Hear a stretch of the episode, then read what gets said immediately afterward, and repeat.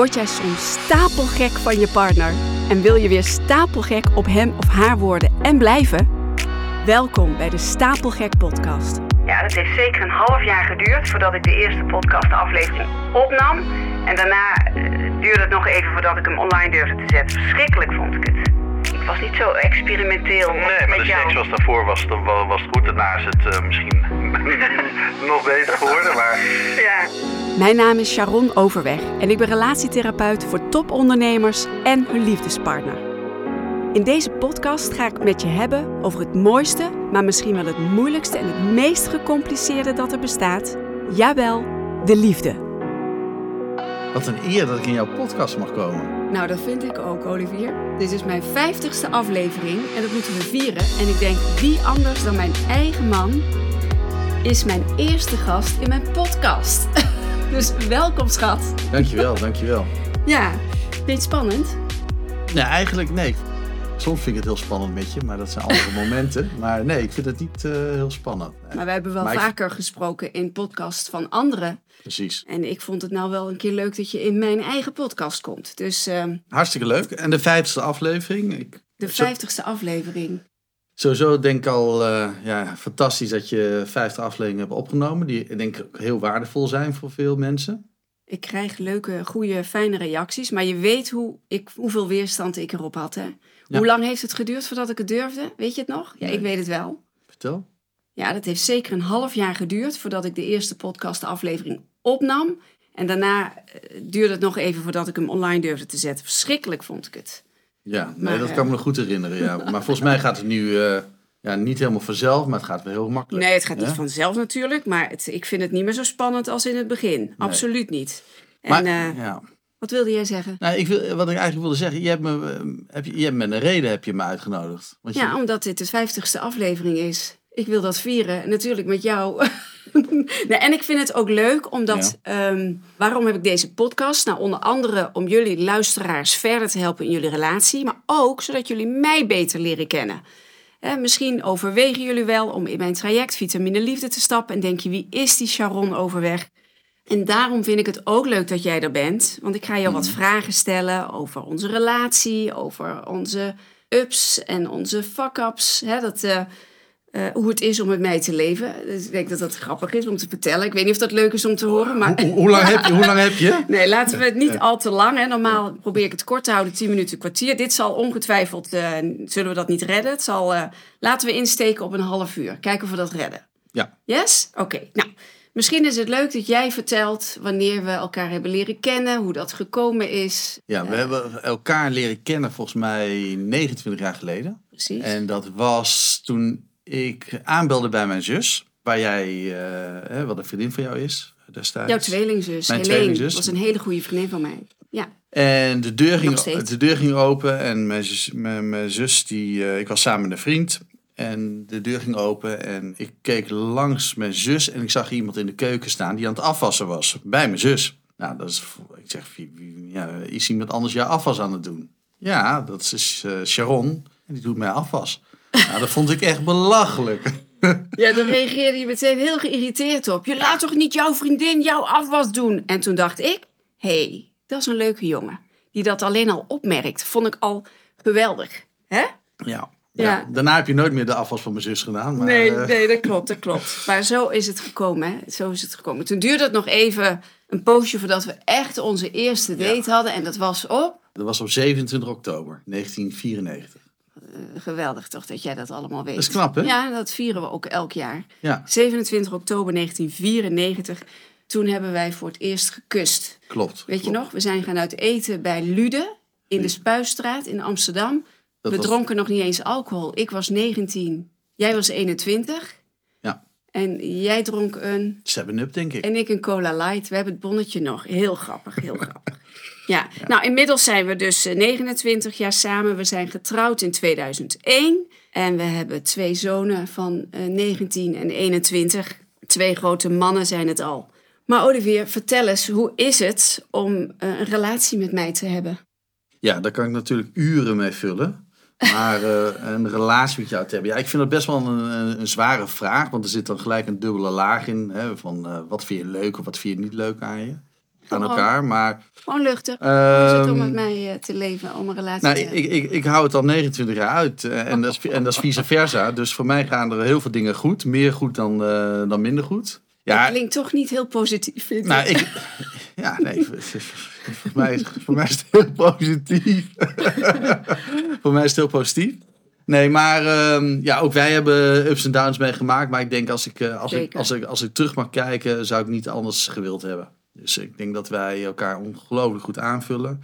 Ehm, Waarom hoe vullen wij elkaar aan, volgens jou? omdat wij allebei behoorlijk mondig zijn. We zijn het natuurlijk niet altijd met elkaar eens. Maar ik denk dat we wel, als we het oneens zijn met elkaar, dat we elkaar altijd met respect daarmee omgaan. Er wordt niet gevloekt bij ons, maar er wordt op de inhoud gediscussieerd. Mhm. En ik denk dat dat, ja, dat maakt denk ik, onze relatie heel waardevol. Omdat, je, omdat ik ook de inzichten van jou meekrijg. Waar ik ja, dan vaak een andere mening heb. Mhm. En achteraf van denk, nou ja, ja, er zit wel een kern van waarheid in. Ja, klopt. Wij zijn verbaal allebei heel sterk. Wij kunnen echt een, een, een hele sterke eigen mening hebben. Ja. Maar we zijn ook allebei bereid om erop terug te komen. En om te zeggen, nou, eigenlijk zoals jij daarnaar kijkt, dat klopt eigenlijk wel. Of zo had ik het nog niet gezien. Ik denk dat dat wel een kracht van ons is. Ja, nou ja, een kracht. En ja, ik denk dat het heel prettig is dat je elkaar ook vrij laat in je mening. Zonder dat je de andere wil overtuigen dat het niet zo is. Maar dat je bij je eigen standpunt blijft. Ja. En dat je de Ja, ander niet hoeft te precies. overtuigen. Nee, want dat zeg ik ook tegen cliënten. Hè. Je moet eh, zeker bij een intakegesprek van... Hebben jullie de bereidheid om door de bril van de ander te kijken? Dat betekent niet dat je het eens hoeft te zijn met elkaar, maar dan ga je de elkaar wel begrijpen. En ik denk dat wij daar heel goed in zijn. Dat Ja. wij dat heel goed kunnen. Eh, natuurlijk ook niet altijd. Hè. Ik bedoel, hier vlamt het ook wel eens op. Ja, maar niet heel Eh, veel. Maar niet heel veel. En het komt ook heel vaak, dan leggen we het heel snel bij. Wij blijven nooit een hele dag boos. Hè? Toch niet? Ik, Nee. ik kan geen dag herinneren dat wij wel beeld, geen geluid hadden. Nee, ik denk het ook niet. Nee. Maar ik denk dat 29 jaar hè, en, ehm, veel, veel mensen die een lange relatie hebben. Ja, ik denk dat je elkaar ook wel heel goed aanvoelt. Weet wat je aan elkaar hebt. En soms ook niet, maar dan, dan heb je iets op te lossen. Ja, oké. Maar denk je dat dat ons geheim is? Als we het dan, ja, zo, hè, mensen vragen wel eens, wat is jullie geheim? Ja, ik, ik denk dat wij een hele normale relatie hebben met alles erop en eraan. Ja, dat zeg ik ook Ehm. altijd. Hè? Gewoon een normale relatie met alle ups en onvermijdelijke downs die daarbij horen. Maar, Ja. eh, en daarmee denk ik dat we een hele goede relatie hebben. Omdat, dat, Ja. omdat, omdat we een normale relatie hebben waarbij ook alles kan en mag eh, in een normale relatie. Nou ja, alles kan en mag. Nou, dat je elkaar gewoon, dat de een niet onderdoet voor de ander, dat bedoel ik meer. Een gelijkwaardige relatie, dat bedoel je. Ja, precies, precies. Nou, en wat leuk is misschien om te vertellen, ik weet niet of iedereen dit weet. Mocht je nu intunen en denken, wie zijn jullie? Wij hebben een theaterlezing gehad. Ja, Die heette Vitamine Liefde. Zo heet mijn huidige traject, mijn relatietherapietraject nu. Maar zo kwam ik op die naam, Vitamine Liefde. Want we hadden dus een theaterlezing. Een heel leuk stuk waarin wij spraken over de liefde en over relaties. Waarin onze eigen relatie centraal stond. En helemaal niet als rolmodel, maar juist heel kwetsbaar en openhartig vertelden we over onze eigen ups en alle fuck-ups. Eh, en vertelden we dat het gras bij ons heel groen is, omdat er meer shit op ligt. ja. Nou, Waarom- nou, nou, dan moeten de luisteraars niet, niet gelijk denken dat we een carré hebben gestaan. Hè. Dat waren eh, groepen van 10 tot ongeveer 100 man. Ja, Dus, en- nee, carré hebben we nooit gehaald, maar toen Nee, kwam was ook corona. Toen kwam ook corona. Je weet nooit hoe het zou zijn gelopen als corona er niet was geweest. Maar het was wel een theaterlezing en we Maar waren wa- daar heel open over. Het was, het was een heel mooi stuk en met, met muziek en met humor, en met, met een lach en een traan. En Nou, ik denk dat wat, wat, maakte wat- heel veel los. Ja, wat heel leuk was tijdens de theaterlezing was voornamelijk de interactie die we hadden met het publiek.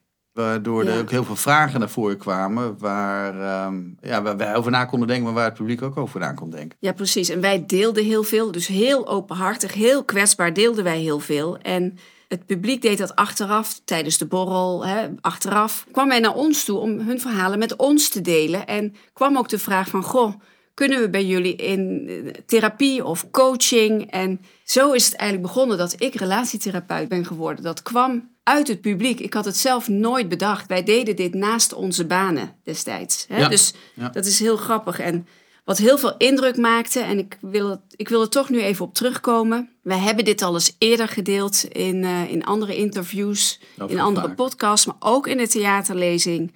Wat we al allemaal hebben meegemaakt, waaronder mijn ontrouw. Ik ben een keer vreemd gegaan Dit is, wij zijn nu 29 jaar samen. Dit is volgens mij 11, 12 jaar geleden inmiddels. Maar het was een eenmalige ontrouw, Eh, Het één was een keer. eenmalige ontrouw, één keer. Maar ik heb er wel twee jaar over gelogen. En ik vind het toch goed om dit even nu te bespreken. Ik weet dat jij het, een beetje, dat jij het er een beetje mee hebt gehad. Omdat we er al zoveel over praten. Of hebben gesproken. Die zegt van het is ook wel een keer klaar, hè, weet je. Maar het is mijn podcast. En ik denk dat de luisteraars Ja, het ook heel mooi vinden. Je bent Ik altijd de baas. Helemaal weer. Dus- ik denk dat de luisteraar het heel interessant vindt om juist vanuit jou Ja. te horen hoe het voor jou was. Want ik had nooit gedacht dat ik ooit zou vreemd gaan. Nooit. Ik vond er ook wat van. Jij vond er nog veel meer van. Hè? Dus als we het wel eens hoorden van mensen om ons heen, dan had jij daar een heel sterk oordeel op. Nou, dat, dat ben ik niet helemaal met je eens. Ik had er niet zo'n sterk oordeel op, op anderen. Ik had alleen eh, voor mezelf. Ja, ja, oké. maar je zei vreemd gaan betekent het einde van de relatie. Als dat gebeurt, is het klaar. Nou, misschien, misschien wel een goed voorbeeld. Hè? Want Mhm. wij, we, we wonen in het zuiden. En eh, toen wij hier kwamen wonen vanuit het westen. Hè, het carnaval gebeuren. Ja, er wordt behoorlijk veel eh, op los gezoend met, met, met anderen. En eh, ja, iedereen vond het maar vrij, blijkbaar normaal hier in, de- in, de- in het zuiden. En toen heb ik wel eens gezegd, ja, weet je, als je zoent met een ander, dat is er ook al vreemd gaan. Ja, Eh, klopt. En dat vond ik ja, vrij apart. Tenminste, Ik- dat, dat, ik- daar ik- was ik het mee eens. Ja, en nog steeds. eh, Ja. Ik, ik ben niet opgevoed met carnaval, maar eh, ja, blijkbaar als mensen een drankje op hebben, dan, eh, dan kan er meer. Ja, ja, maar nu is het net alsof ik met carnaval ben vreemd gaan. Dat is Nee, niet nee, nee, dat is niet zo. Dat is dus niet gebeurd. Maar goed, eh, we hoeven het er niet heel er- erg lang over te hebben. Ik ben dus één keer vreemd gegaan. Dat was in een tijd dat ik 10 kilo af was gevallen. Wij waren samen in die tijd ook veel meer bezig met leefstijl, gezond eten. Ik viel toen af en jij zei achteraf van ja, je had wel vaker aandacht van mannen. Ik zag dat nooit. Ik had er helemaal geen oog voor, maar toen wel. Ja, je hebt nog steeds aandacht voor mannen. Maar toen zag ik het wel en ik vond het ook leuk. Ik, ben daar toen, ik zat toen niet lekker in mijn vel. Ik was heel onzeker in die tijd. Over mijn lijf, over... Ja, gewoon, ik zat niet lekker in mijn vel. Ik kreeg toen aandacht. Afijn, ik ben toen een keer te ver gegaan in het flirten. Ik dacht, oh, ik ben er nog goed in ook, weet je wel. ik ben toen te ver gegaan. En eh, dat is één keer gebeurd. En ik heb het niet durven zeggen. Ik heb het gewoon nooit durven zeggen. Jij voelde Ik voelde het al, ik voelde het al een paar, jaar daarvoor aan. En voor mij... eh, Op een paar moment- jaar daarvoor, Een paar, een jaar daarvoor voelde ik het al aan dat er iets was. Ja, ik heb het dus twee jaar lang, dat moet even duidelijk zijn, twee jaar lang niet durven zeggen. Terwijl jij onmiddellijk, jij, jij bent super sensitief. Heel irritant, vond ik dat. maar jij voelde meteen, er is iets niet pluis. Je hebt mij daar een verschillende keren naar gevraagd. Zelfs op hele intieme momenten. En ik heb altijd keihard gelogen. Want ik dacht, als ik dit ga zeggen, dan kost het mijn relatie... Het had ook niks met ons te maken. Het had alles te maken met de relatie die ik had met mezelf. Ik, had een, ik was onzeker. Ik vond de aandacht leuk. Afijn, het praat het niet goed, hè. Maar vreemdgaan heeft, kan heel veel oorzaken hebben. Ja. Maar hoe was het voor jou dat ik dat gewoon, dat ik niet durfde te praten, dat ik keihard loog? Sterker nog, ik werd boos op jou alsof jij de gek was. Dit hoor ik trouwens ook heel vaak terug bij cliënten, bij wie dit een thema is of was. Ja. Dat de bedrieger, laat ik maar even de, het beestje bij de naam noemen. Ik was de bedrieger, Olivier was de bedrogene. Dat de bedrieger eigenlijk boos wordt op de bedrogene. Van jij bent gek, er is niks aan de hand. Ja. Nou ja, kijk, kijk, kijk, op een gegeven moment, eh, voor mij toen het gebeurde, zat ik in India, was ik op zakenreis. Ja, ook dat is wat. Hè. Dan zegt iedereen als mannen op zakenreis gaan, dan gaan ze vreemd. Nou, dat, is dus, eh, dat, Ja. dat, dat, kan, dat zal wel, maar die vrouwen zitten alleen thuis. En in dit geval ging ik Ja. vreemd. En, Ja. Maar dat werd ook tegen jou gezegd door, door degene Mhm. waarmee je vreemd bent gegaan. Van, oh, die zal ook wel eh, buiten de pot pissen of wat dan ook, in die, Mhm. die trant. Maar ik voelde in India al dat er iets was. En dat is heel gek, want er is een enorme afstand. Maar, ja, eh, ongelooflijk. Maar Je bent heel intuïtief. Ja, en dat is inderdaad voor, voor veel mensen dat heel vervelend. Maar in dit geval. Toen vond ik dat heel irritant. in, in dit geval was het voor mij ook wel behoorlijk lastig. Want ik, ik wist dus dat er iets was. En dat je, Ja. niet, hè, dat je niet iets durfde te zeggen. En ik had wel het gevoel dat het ergens iets in, eh, in deze hoek zat. Je wist ook niet of het een relatie of een affaire lijkt me afschuwelijk. Dat moet afschuwelijk voor jou zijn Nou ja, geweest. afschuwelijk, afschuwelijk. Ja, het is al eh, zo lang geleden. Als dus, jij eh, twijfelt daarover. Maar ik dacht wel, ben ik nou gek inderdaad? Of, ja, of is er iets anders aan de hand? Maar ik, ik wist wel dat je heel veel van me hield. Dat maar heb ik altijd het, gevoeld. Maar je wist niet, je, wat ik net zei, je wist niet of het een affaire was. Dus, Nee. En ik, ik, ik sprak er niet over. Nee. Dus jij bleef in het ongewisse. Ja, maar daar werd ik wel behoorlijk gek van. Ik heb je, nou, eh, dat, ik- daarom zeg ik, dat moet ja. toch afschuwelijk voor je zijn Ja, ik, ik, kan me, ik kan me nog goed herinneren dat ik je ook af en toe wat liedjes doorstuurde met, eh, met, dubbele, met teksten die boodschap. een, een dubbele boodschap hadden. En dat ik probeerde je om ja, om, om tot een punt te krijgen dat je wel transparant zou zijn. Dat je wel Ja. eerlijk zou zijn. Ja, en ik durfde het echt niet. Ik dacht, ik neem dit mijn graf. Deze last, dit schuldgevoel van het niet durven zeggen, neem ik mijn graf in. Ja. Maar goed, toen heb ik het na twee jaar later, heb je me daar nog een keer mee geconfronteerd. Heb ik het wel gezegd. Ja, toen heb je het wel gezegd. En ja, achteraf was ik er heel blij mee eh, dat je het hebt gezegd. Want dat heeft ons denk ik eh, heel veel gebracht. Maar op dat moment was ik wel natuurlijk heel emotioneel. Dus ik heb... Ja, je eh, was flink boos natuurlijk. was flink boos. Ik, denk, ik, denk dat het, hè, ik denk dat het ook heel belangrijk is dat Ja. je emotie kan tonen op zo'n moment. Eh, Ja, absoluut. Hè, zonder dat je natuurlijk ehm, hè, dat je verbaal misschien eh, emotioneel wordt, maar natuurlijk niet lichamelijk. Hè, want dat zou echt. eh, ja, nou, zo dat heb je nog nooit gedaan. dat zou- hè, nooit maar ook aan mensen die, die luisteren, ja, Mhm. hè, als, je, als je dat meemaakt, eh, is het natuurlijk, ja, je- sommige mensen verliezen hun verstand. Ja. Nou, ik heb mijn verstand niet, niet Nou, je was razend en boos. En ik was natuurlijk super verdrietig. Want ik wist, dit gaat, wij gaan scheiden nu. Ik, ik, ik, dit is het einde van onze relatie. Ja. Ik heb met vuur gespeeld en nu eh, is Maar het klaar. zitten- maar, maar we we zitten, er we nog zitten- we steeds. We zitten zitten er nog steeds. We zitten hier nog steeds. Nee, Ja. we hebben, wat, wat, wil je, wat wil je zeggen? Nou, we, we, we hebben heel erg intens gepraat. Dat was een hele nacht. En eigenlijk de volgende morgen, toen vroeg jij aan mij, eh, nou, dat, dan was dit het dan. ik zal wel vertrekken, ik pak mijn spullen en eh, En ik toen ben zei weg. ik, ja, en wa- wat zei ik toen? Toen zei je, maar dat wil ik niet, zei je toen. Nou ja, en toen begon ik, want je, je hebt gehuild en je was boos de hele nacht. Ik heb het je op een zondagavond verteld, een maandagochtend, we zagen het licht worden. Ik wilde ook Ehm, alle details weten. Dus, Je wilde eh, alles weten en we hebben toen de kinderen naar school, ik of jij, dat weet ik niet meer, de kindjes naar school gebracht. Die waren toen nog klein. En toen zei ik van, nou, ik zal straks dan mijn spullen pakken en ik ga weg en ik hoor wel hoe je de scheiding wil regelen. En toen zei jij de gevleugelde woorden, maar dat wil ik helemaal niet. En toen keek ik naar jou en toen zei ik, hoezo niet? Je hebt altijd gezegd, vreemdgaan betekent het einde van de relatie. Dat is de reden dat ik het niet durfde te zeggen. En ondanks dat het vreemdgaan voor mij had niks met de relatie te maken tussen ons, maar het niet durven zeggen, en misschien herken je dit als je dit als je hier zelf mee te maken hebt of je kent iemand bij wie dit een thema is. Het niet durven zeggen had alles met onze relatie te maken. Ik voelde me daarin niet veilig om het te zeggen. Maar hè, dan vraag, hè, ik kan me zo voorstellen dat mensen zeggen, ja, hoezo eh, vreemdgaan had niet, niets te maken met de relatie tussen jullie. Maar We hadden een fijne relatie, we hadden lekkere seks. Maar waarom ben je dan vreemd gegaan? Dat Dat legde ik net uit, omdat ik zelf heel onzeker was. En ik kreeg aandacht van iemand. Opeens had ik daar oog naar. Ik vond het heel spannend. Ik bleek er nog goed in, ook in flirten. Ik vond het leuk. Dit herken ik ook bij cliënten bij wie ik begeleid. Waar vreemdgaan een thema is. Je voelt dat je leeft. Dat is de leuke kant van ontrouw voor de bedrieger. Je bent berichten aan het wissen. Je, bent, je leeft een soort dubbelleven. Wat aan de ene kant bakken energie geeft. Aan de andere kant kost het je energie. Je leeft in een soort bubbel. En nu zet ik het heel zwaar aan, maar je wordt, en dat herkennen cliënten ook, je wordt een soort van ontoerekeningsvatbaar. Dat klinkt heel zwaar, maar ik wil even aangeven dat je gewoon niet bij je volle verstand bent. Daarmee leg ik niet de verantwoordelijkheid weg. Ik heb alle verantwoordelijkheid achteraf genomen. Maar dat is wel wat er vaak gebeurt bij iemand die vreemd gaat, die iets doet wat niet mag.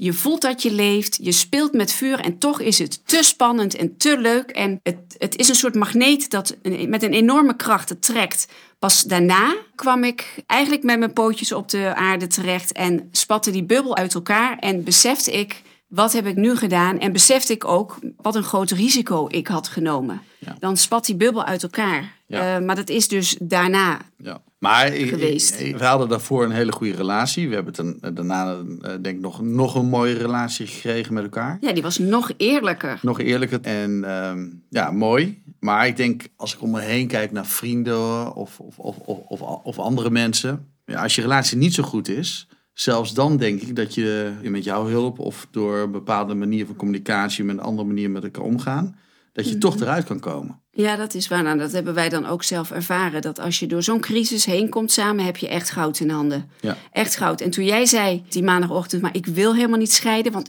dat vond ik ook heel mooi aan jou. En toen hield ik nog meer van je. Want jij kon echt je ego, zo heb ik het altijd in ieder geval ervaren, eventjes naar achter schuiven. En jij kon door mijn bril kijken. Want je zei ook van, ik ben er niet blij mee dat het gebeurd is. Maar ik begrijp wel waarom het gebeurd is en wat het jou heeft gebracht. Want ik, het, het, ik was heel conservatief, heel conservatief. Op een schaal van 0 tot 10, zeg maar, zat ik op 2. Kan je nog een keer aan? Heel conservatief. Of ja, wat is het? Als, 0, als 10 heel... Ja, wij waren allebei heel conservatief. Nee, van 0 tot 10. Als 10 heel conservatief is en 0 niet, zat ik op 8. Dus heel conservatief. Ik ben helemaal naar de andere kant van de schaal gegaan. En we zijn, ik zat op een gegeven moment op, in het midden. Het heeft me echt wel gebracht. Ik ben zelfverzekerder geworden over mijn lijf. Over, over, uh... Maar kijk, ik wil wel iets rechtzetten. Want Ja. er zijn ook andere wegen natuurlijk naar Rome. Om, Absoluut. De, om, hè, dus Absoluut. Niet zozeer dat je hè, Nee, zeker over jezelf geen te zijn. vrijbriefje. eh, dan ga ik maar vreemd. Maar dat, was wel de oorzaak. Hè? Ja. Vreemdgaan kan duizenden oorzaken hebben. Dit was voor mij de oorzaak. Ja. En ehm, ja, het heeft me gewoon veel gebracht. Ook veel vrijer, verze- zelfverzekerder. Tussen de lakens met jou. Ik was altijd heel onzeker. Ik vond alles heel snel. Ik was niet zo experimenteel. Nee, maar de jou. was was daarvoor was, was het goed. Daarna is het eh, misschien nog beter geworden. Maar Ja. Nee, maar ik, ik denk, eh, wat, heeft het met mij gedaan? Ik denk dat eh, als ik voor mezelf spreek, dan ben ik, eh, ja, ik ben nog meer van je gehouden. Eh, en dat Waarom klinkt, dan? Dat klinkt heel raar. Want het, ik, je, ik denk dat mensen dit luisteren. ja, omdat je, omdat je nog eerlijker, je bent heel eerlijk tegen me geweest. Mhm. En ehm, ik denk die eerlijkheid, op dat moment, hè, dat, dat je het vertelde, op dat moment was het natuurlijk emotie. Maar dat heeft zoveel vertrouwen en de band nog sterker gemaakt tussen ons. Ja, dat is eigenlijk ja, niet uit te drukken hoe blij ik daarmee ben. Mooi dat je dit zegt, maar ik kan me ook voorstellen dat er mensen zijn die nu luisteren en die denken: wat een bullshit. Ik, hè, dat mensen denken van: hoe kun je haar vergeven? Hoe heb je dat gedaan? Ja, maar als, ik denk, eh, voor mij was de liefde groter dan de boosheid. Ja, mooi. En, eh, dus kun je nu ja. ook zeggen dat het oordeel dat je had op vreemd gaan, of dat je altijd zei dat betekent het einde van de relatie, dat kun je eigenlijk niet zeggen totdat je ervoor staat of zo? ja, reageerde ja. toch anders dan dat ja, je dacht? Ik, ik denk dat iedereen een bepaalde mening heeft over vreemd gaan. Als je daar nooit mee, mee eh, als je daar niet zelf in zit in ik een relatie, of dat je, dat je daar ja, nooit mee van doen hebt gehad. Want het is super pijnlijk voor de bedrogene en het kan zelfs traumatisch zijn. Wat zou jij aan stellen willen meegeven bij wie dit een thema was of nog steeds is?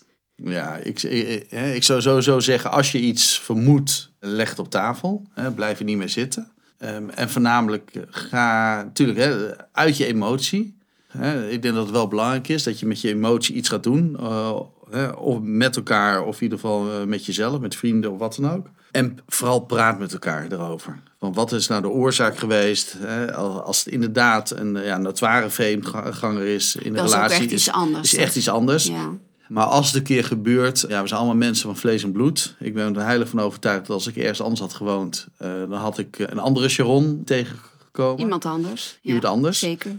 Dus ik geloof niet dat je met één iemand gelukkig kan worden. Maar ik. Dus je bedoelt als je dat vreemd gaan, dat je ook verliefd kunt worden op een ander, was bij mij niet het geval. Nee, was bij maar jou niet het Bij geval. mij was het lust, maar dat dat ook kan. Ja, Maar dat dat dan ook niet het einde van de relatie meteen hoeft te betekenen. nee, precies. En dat bedoel ik. Ja, Ja, precies. Dus, dus ehm, ja, voor mij heeft het veel gebracht. En ik denk onze relatie ehm, ja, enorm versterkt. En natuurlijk had ik gehoopt dat het niet was gebeurd. Maar ik denk dat we heel goed ja, ermee om zijn gegaan. Ja. Nou, ik denk dat het super waardevol is voor de luisteraar om ook jouw verhaal te horen. Hoe, jij, hoe het was voor jou. Want ik kan het wel vertellen, maar ik heb jou ermee pijn gedaan. Nou ja, ik denk, hè, dat wil ik nog even benadrukken. Ik denk dat het heel belangrijk is natuurlijk hè, de bedrogene. eh, in dit geval was ik dat. Ehm, maar dat je op een gegeven moment ook kan luisteren naar de andere kant. Ik heb je ook heel goed aangehoord. Ja, waarom is het Ja, gebeurd? maar dat vergt wel heel veel veerkracht van jou.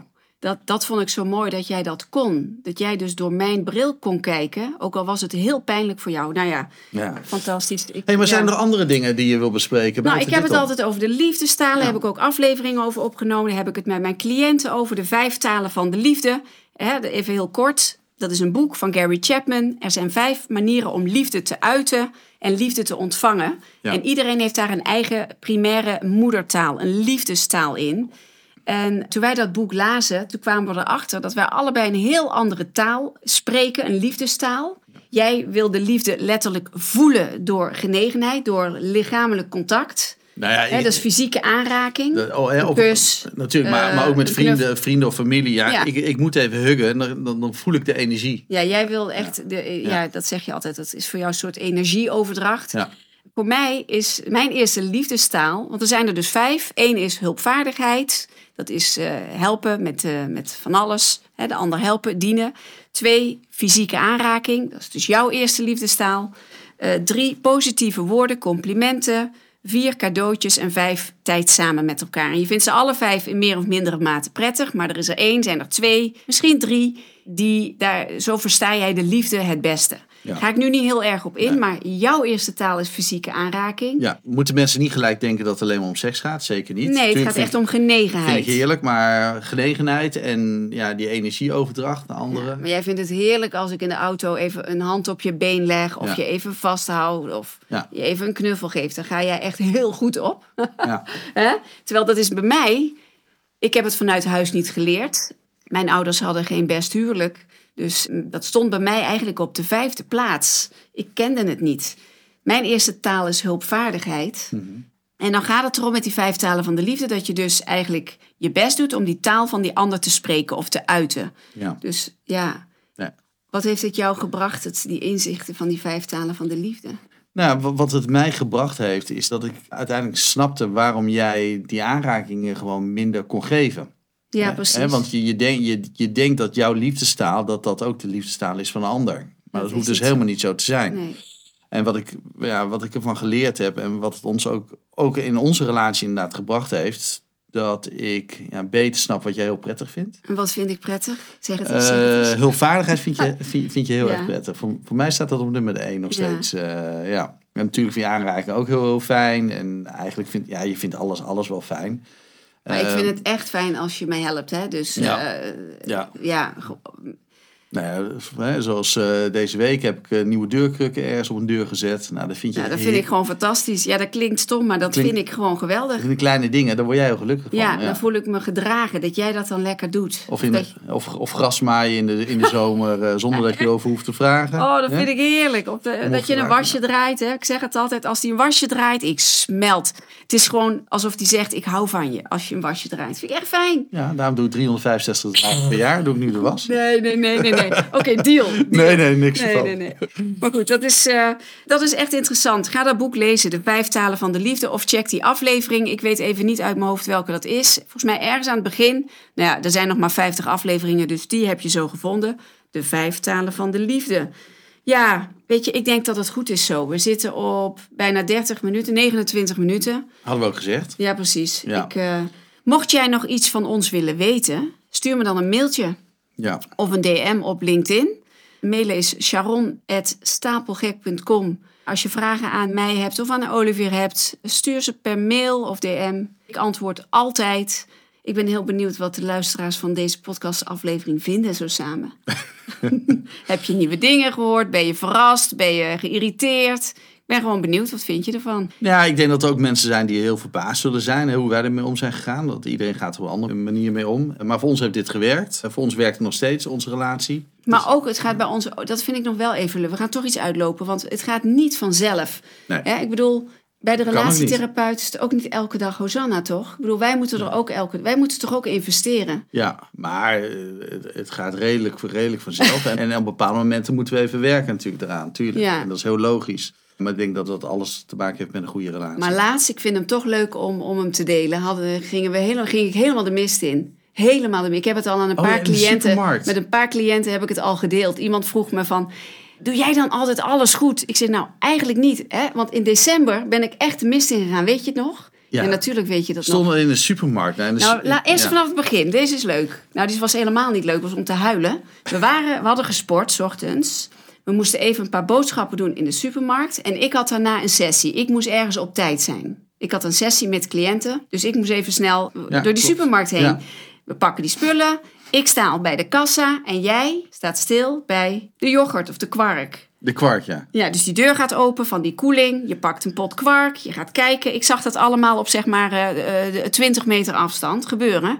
Je zet die pot terug, je pakt een andere pot. En ik begon me te irriteren. Ik denk na een minuut of drie, vier begon ik me echt te irriteren. Ik had zoiets van pak die kwark en afrekenen Dat was nu. geen drie minuten. Ik begon me niet meteen te irriteren. Ik denk dat ik me na een minuut of vier, misschien vijf, begon ik me te irriteren. Daarna heb ik nog een paar minuten op je zitten wachten. Nee, even geen- mijn verhaal. We hebben Mijn- geen tien minuten voor die kwarktent ik denk dat jij wel acht minuten op marktonderzoek naar kwark hebt gedaan. In ieder geval, ik, ik voelde wat er gebeurde. Als Ik- mensen iets willen weten over kwark dan kunnen ze, kunnen ze nou ja. Olivier is heel erg van de bio en gezond. Maar maakt niet uit. Ik vond het irritant, want ik had een sessie met cliënten. Ik moest nog douchen, ik wilde daar op tijd zijn. Maar ik weet gewoon wat er gebeurde bij mij. Want ik kreeg allemaal nare gedachten, giftige, toxische gedachten. Schiet nou toch op met die kwark. Kom op, ik moet op... ik- respectloos, je weet toch dat ik... Je bent alleen maar met jezelf bezig, je weet dat ik weg moet. En toen kwamen er mensen voorbij... En dat was voor jou? mij een rode lap op een stier. Die zeiden, want ik keek naar jou heel geïrriteerd. En volgens mij riep ik ook iets van, kom op, schiet nou eens op. Ja, door de en die mensen die zeiden, nou, het gaat nog wel even duren volgens mij daar. Nou, en dat was voor mij de, de trigger. En toen kwam jij en toen ben ik echt uitgevallen in die supermarkt. Bij de Jumbo in Vught. En toen, wat heb ik gezegd? Ik, weet het niet eens meer. het, ik maar ben maakt- echt maakt- uitgevallen. Maakt Ik- helemaal niet uit. Maar in ieder geval, dus ook bij een relatietherapeut gaat wel iets mis. Ik had echt kortsluiting. Jij nog olie op het vuur. Wat zei jij? Weet je nog wat jij zei? Ja, voor mij zei ik, ben je nou helemaal besodemieterd om hier in de supermarkt... Jij zei, ben je nou helemaal besodemieter om mij hier in de supermarkt af te vallen? Wat, dit is, wat zei je? Je zei iets van, lekkere reclame voor jou als relatietherapeut. Dat zei je. je bent weggelopen, de auto in. Ik zei, zoek het uit. Zoek het uit. Jij pakte de auto. Ik bleef heel. Nou, ik, ik ben gaan afrekenen. Ik dacht, jij bent weg, maar je hebt toch keurig op mij, de gentleman die je bent, keurig op mij gewacht. Zo hoort dat, hè? En ik wist meteen dat ik fout zat. Ik wist dat ik echt gruwelijk fout zat. Ik heb denk ik in dat uur wel, nou, tien keer mijn excuses aangeboden. En ik heb zelfs gezegd van als jij dat andersom bij mij had gedaan, echt nat dan. Ik was echt Nee, je, je was een beetje zwart voor de ogen. Ik had gewoon kortsluiting, erfenisje van mijn moeder, zei ik meteen. die kon, dat, ook- die kon dat ook wel eens hebben. Product van de, product ja, van de opvoeding. Ja. Mensen, ik ben ook mens. Ik mag ook fouten maken. Het komt niet vaak voor dat ik plof. Dat is, Nee. Kunnen we denken in die 30 jaar, 29 jaar op één hand tellen, niet? Het was ook maar niet zo, zo hef- heftig natuurlijk. Sla- eh, wat zijn, ik- zijn wel van die kleine dingen en dan... eh, Maar ik denk dat het ja. grappig is om te delen, want ook wij hebben dit soort momenten. En het lag aan mij. Als wij ruzie hebben, moet ik eerlijk zeggen, ligt het vaker aan mij dan aan jou. Dat is wel fijn. Maar dat- soms vind ik jou wel erg koppig hoor. Dan ja, maar kan ik ben jou, kop. Ik ben een ram. ik ben heel koppig. Kan ik jou ook achter het bank Maar het is wel leuk dat het nu eh, opgenomen is. Dus voor de lengte van de dagen dat het meer eh, soms aan jou Dit, ligt gaat, dan aan nu, mij. eh, dit Maar- gaat vrijdag het wereldwijde web op. Nee, maar dit is, allemaal- het is allemaal niet zo belangrijk aan wie het ook ligt. Het, het belangrijkste voor mij is dat je het met elkaar oplost. Nou, en dat je respectvol blijft en gelijkwaardig. En Ja. dat deed ik op dat moment in die supermarkt dus niet. Dus aan publiek iemand afvallen, wat ik daar deed, is gewoon not done. Maar ja, het komt, eh, niks is, eh, is mij vreemd, niks is ons vreemd. Ik hoop dat je genoten hebt van deze podcastaflevering. Laat het me weten, sharon.stapelgek.com of stuur me een DM op LinkedIn. Daar ben ik bijna dagelijks actief. Wil jij nog iets zeggen ten slotte? Eh, De naam stapelgek. Ik denk dat mensen nu ook snappen ja, dat je ook wel eens een keer stapelgek van mij wordt. Ja, absoluut. Maar ik word ook wel eens stapelgek van mezelf. Ja. Hè, dus op, ja, dat kan ook. Hè. Maar nog steeds ben je stapelgek op me. Dus dat vind ik heel fijn. Absoluut. En jij op mij? En toch? wederzijds. Ja. Ja. Geef me eens een kus. Mwah. Mwah.